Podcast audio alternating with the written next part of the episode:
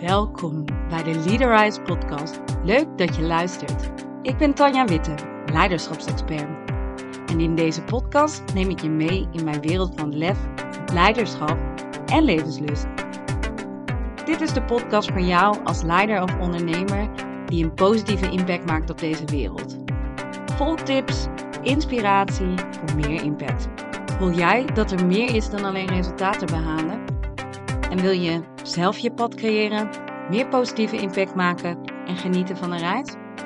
Als je klaar bent om die volgende stap te zetten, dan is deze podcast voor jou. Goedemiddag en leuk dat je weer luistert naar deze Leaderize podcast. Het is eind van het jaar, een natuurlijk moment van reflectie. En daarom dacht ik, is het leuk om deze korte podcast voor je op te nemen. Om je te inspireren om eens terug te kijken op het jaar. En jezelf daarbij andere vragen te stellen dan je normaal al zou doen. Of misschien ben je dat helemaal niet gewend om te doen. Of misschien werk je in een bedrijfsleven waarin dat door de organisatie of je leidinggevende gedaan wordt. Um, en dat is vaak vrij functioneel. Dezelfde vragen of je je doelen hebt bereikt, welke subonderdelen, hoe je vindt dat je het gedaan hebt, et cetera. Gekoppeld aan uh, salarisverhoging of niet. In veel organisaties nog steeds. En of jij nou ondernemer bent of in het bedrijfsleven, deze vragen kunnen je helpen om eens terug te kijken op een andere manier. Terug te kijken met een ander gevoel. En dat mee te nemen om, uh, om met een goed gevoel af te sluiten. En daarna pas je 2024 te plannen. Dus dit is de End Year Review Done Differently. En als je wat ruis hoort, ik rij op de weg, het is code oranje, af en toe een windstoot. Het zou de pret niet uh, die mogen drukken, maar als je je afvraagt wat het is, dan weet je waar het door komt. Ja, dus de End Year Review. Dus gebruikelijk in het bedrijfsleven de performance cyclus. Je stelt aan het begin van het jaar doelen. Halverwege het jaar kijk je hoe het, uh, hoe het gaat. Een soort tussentijdse evaluatie, mid-year review. En dan aan het einde van het jaar kijk je wat je behaald hebt van je doelen. De end-year review. En ik denk dat het eind van het jaar een goed moment is voor reflectie. Om echt even de tijd te nemen om, om trots te zijn ook. Iets wat we vaak overslaan. Omdat, zeker als jij, net als veel van mijn klanten, hoort bij die, eh, die ambitieuze vrouwen die zijn vaak zo geneigd om te kijken naar wat heb ik behaald en wat kan daar nog beter.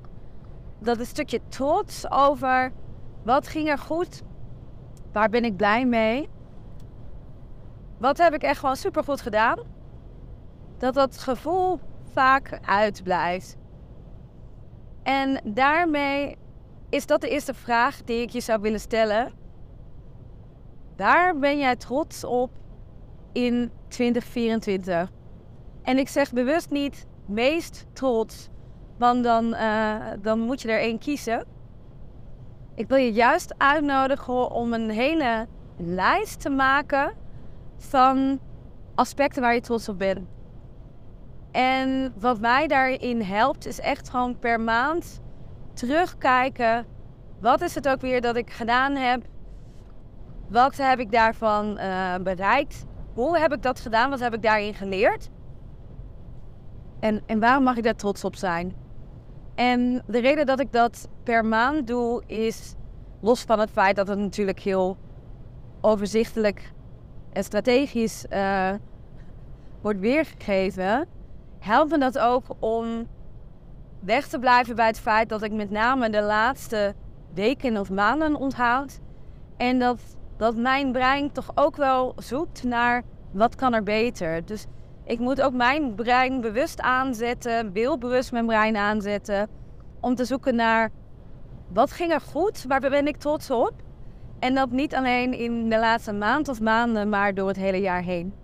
En ik merk zelf, maar ook bij mijn klanten, dat op het moment dat ze dat doen, dat er veel dingen oppoppen. Dat je denkt, oh ja, dat heb ik ook nog gedaan. Dat heb ik ook nog gedaan.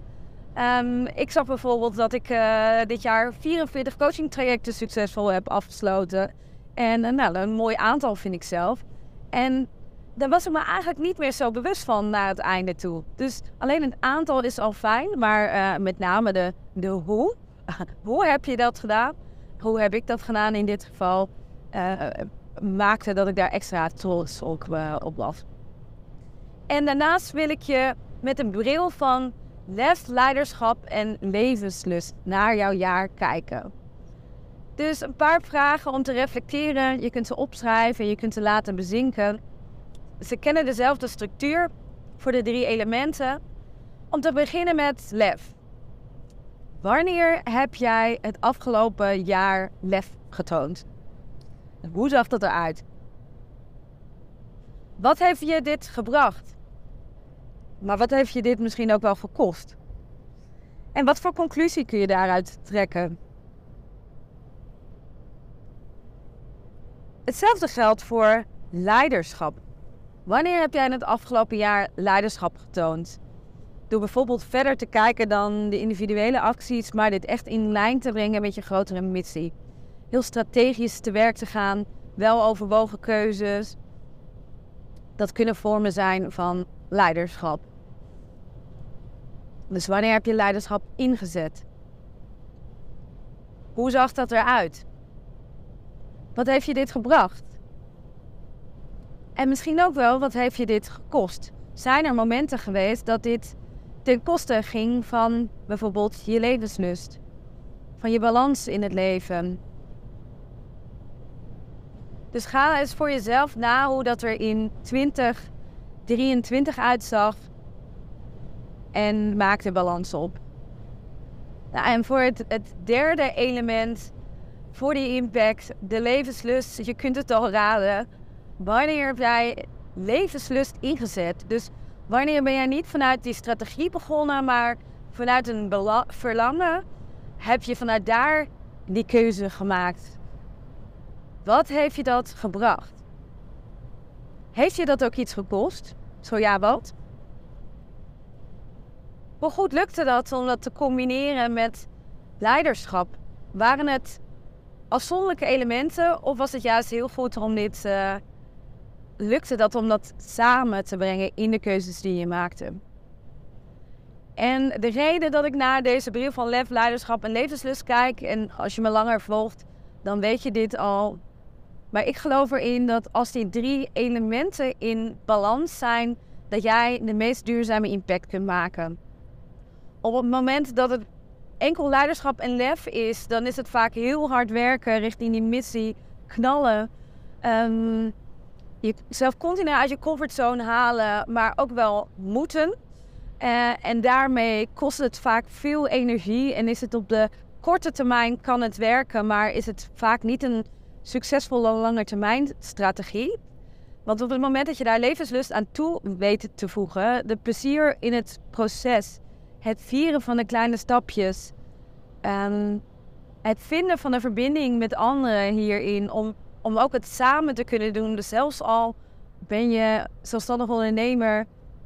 Of heb je een rol waarin dat weinig kan. Die verbinding kan die levenslust heel erg versterken. Ik ben heel benieuwd hoe die balans voor jou er voor 2023 uitziet. Je zou jezelf een rapportcijfer kunnen geven op elk van die drie elementen: lef, leiderschap en levenslust.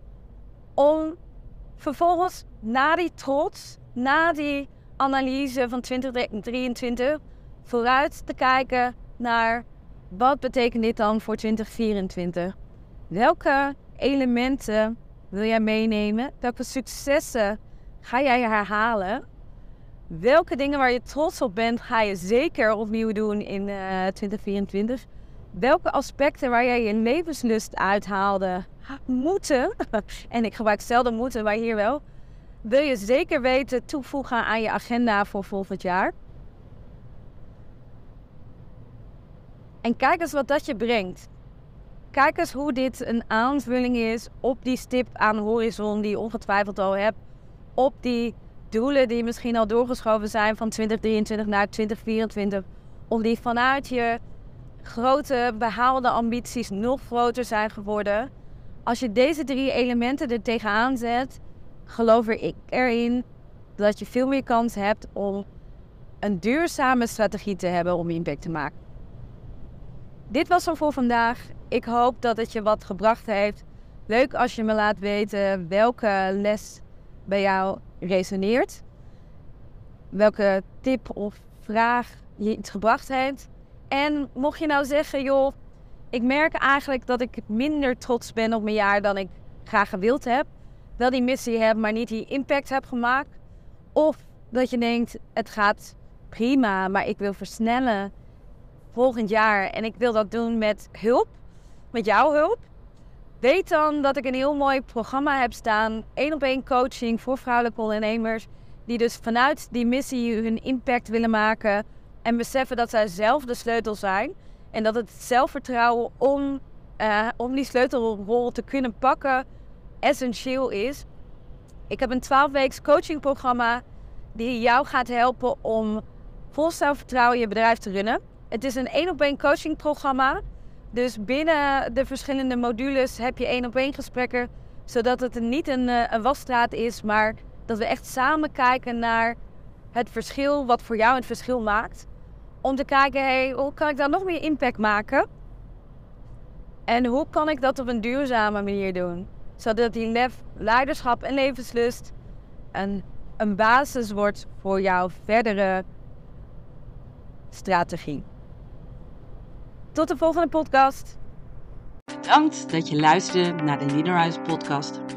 Ben je geïnspireerd geraakt? Ga dan naar de podcast-app waarmee je deze podcast luistert en klik op reviews. Laat bijvoorbeeld 5 sterren achter en als je wilt ook nog een geschreven review. Dank! Ik vind het ook superleuk om te weten welke les of inzicht je uit deze podcast hebt gehaald. Dus deel deze podcast en tag me op social media of stuur me een bericht. Je vindt me op leaderize underscore of Tanja Witte op LinkedIn. Wil je meer weten over hoe je met mij kunt samenwerken voor jou of je bedrijf? Ga dan naar www.leaderize.nl of plan direct your call to take the lead via de link in bio. Ik kijk ernaar uit om met je in gesprek te gaan. Tot de volgende aflevering. Give rise to the leader in you.